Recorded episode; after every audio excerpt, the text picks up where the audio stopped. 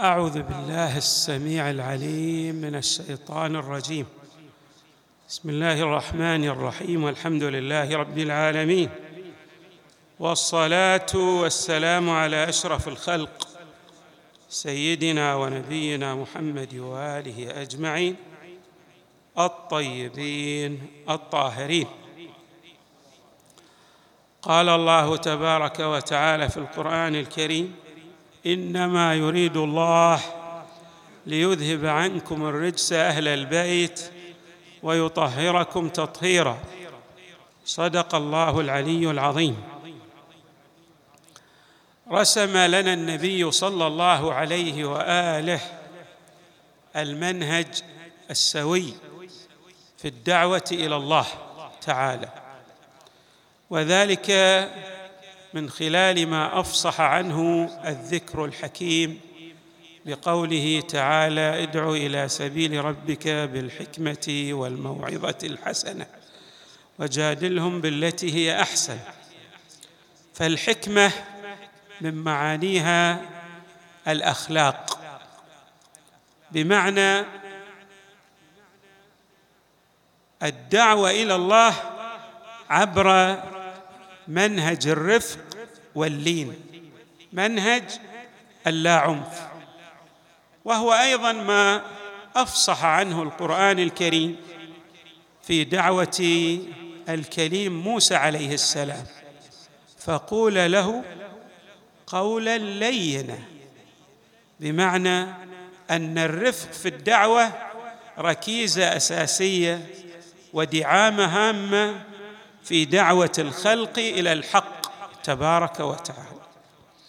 أما العنف حتى وإن أثر فتأثيره آني سرعان ما يزول.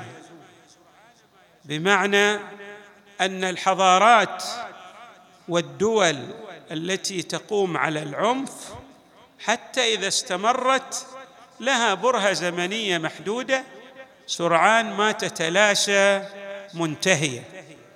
أما المبادئ التي تقوم على اللين والرفق فهي مستمرة ودائمة ما دامت السماوات والأرض.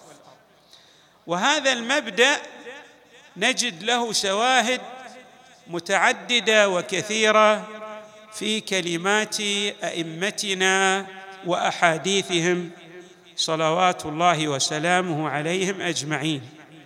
ويؤكدون على أن الانتصار ليس بالسيف ليس بالعنف.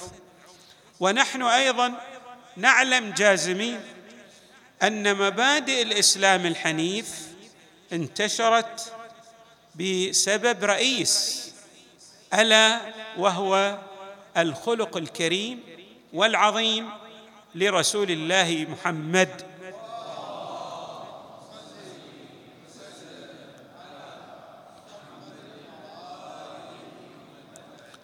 مكارم أخلاق النبي صلى الله عليه وآله وعطاياه التي كان يجزل في عطائه حتى إلى ألد أعدائه.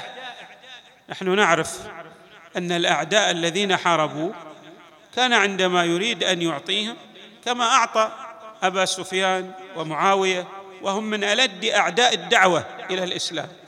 اعطاه كل كل أعطى كل واحد منهم مئة ناقة. وكان يعطي أقل من هذا العطاء للطيبين المؤمنين الخيرين. ولما سئل النبي صلى الله عليه وآله عن هذه الجزالة في العطاء والكرم الكبير قال هؤلاء أستجلبهم إلى الإسلام ولامن الشر من قبلهم. اذا الكرم أيضا يطفئ البغضاء ويقلل ذلك الشر الذي يأتيك من عدوك.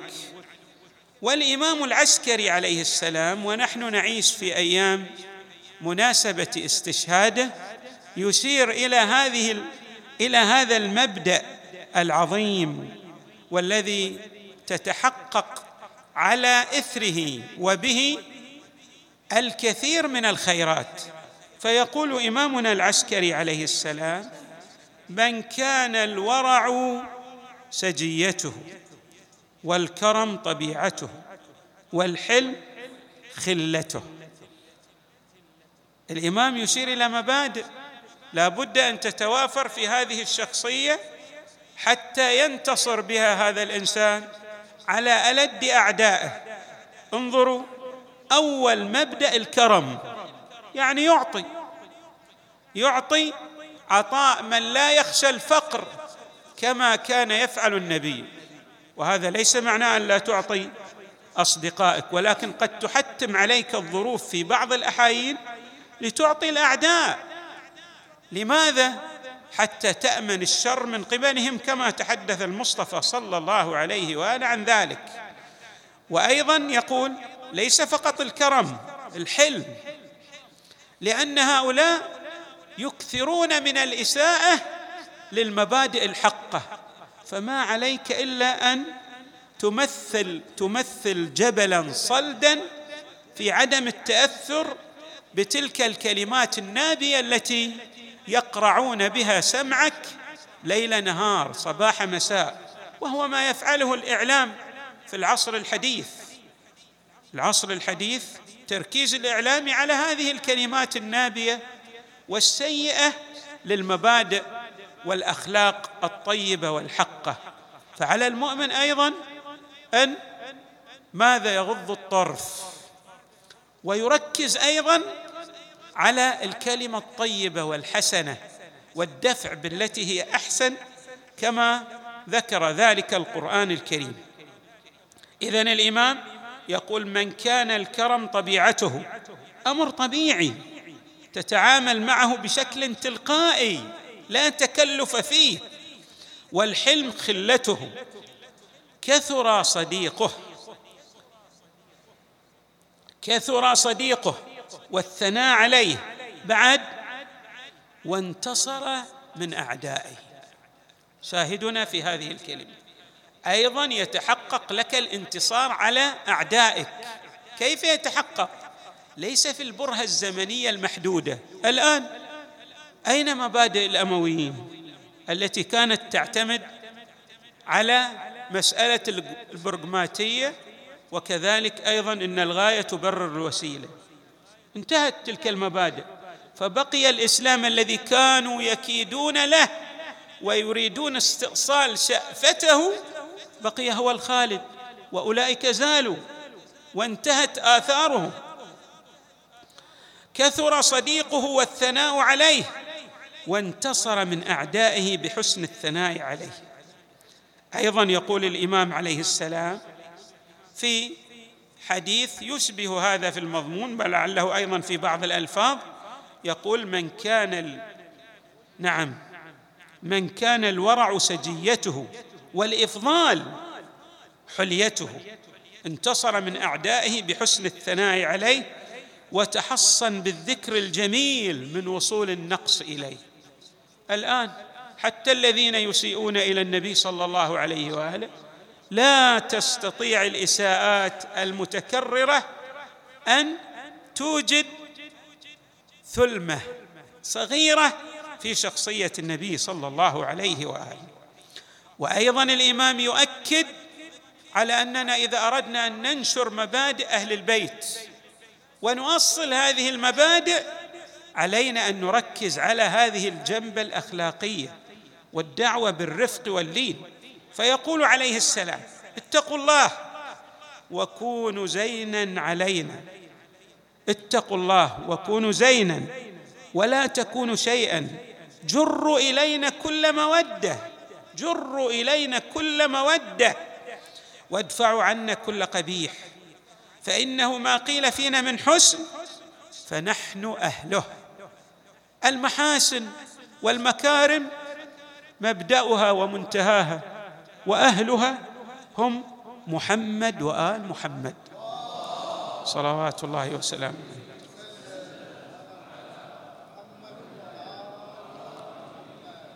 وما قيل فينا من سوء فما نحن كذلك. ثم يبين الإمام الدليل من القرآن الكريم. فيقول عليه السلام لنا حق في كتاب الله. الله تبارك وتعالى أمر بمودتنا.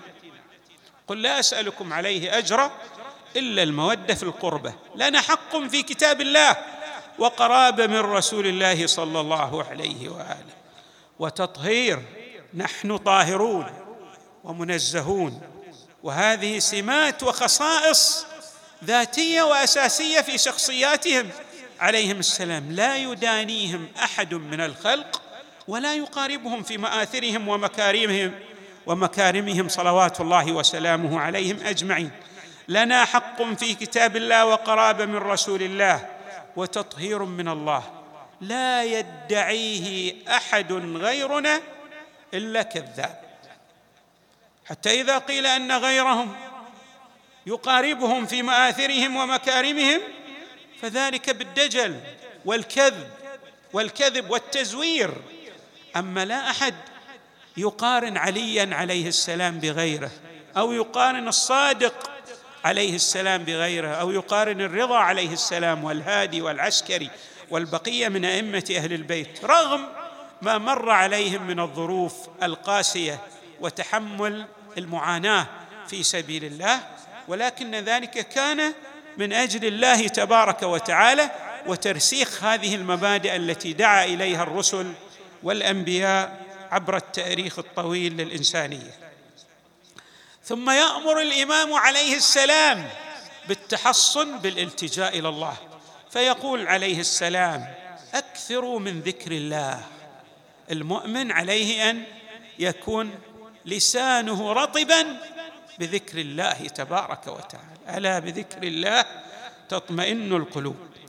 أكثر من ذكر الله وذكر الموت أيضا. الانسان عليه أن يكثر من ذكر الموت لأن المآل هو إلى الانتقال إلى الحياة الباقية والخالدة. ما نحن نعيش إلا أيام قلائل. ونحن كمن يستظل بفيء شجرة ثم يدع تاركا ذلك الظل إلى غيره. كما جئنا إلى هذه الدنيا سننتهي من هذه الدنيا ونغادرها. شئنا أم أبينا؟ مقسورين على ذلك مقهورين. وقهر عباده بالموت والفناء.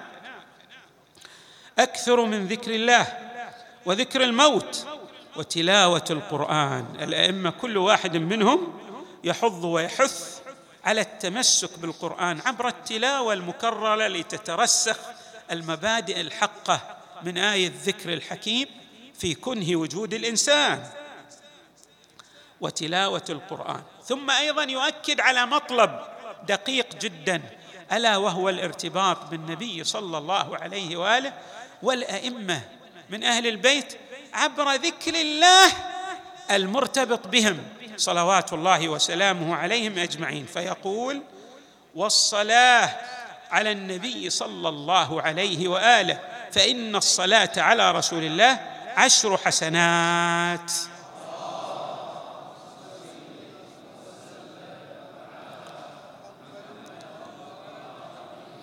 ويختم هذه النصيحة بقوله احفظوا عني ما وصيتكم به واستودعكم الله وأقرأ عليكم السلام. وعليك السلام يا ابن رسول الله. يوم ولدت ويوم استشهدت في سبيل الله ويوم تبعث حيا مع آبائك وأجدادك الطيبين الطاهرين. والحمد لله رب العالمين. صلى الله وسلم وزاد وبارك على سيدنا ونبينا محمد وآله أجمعين الطيبين الطاهرين.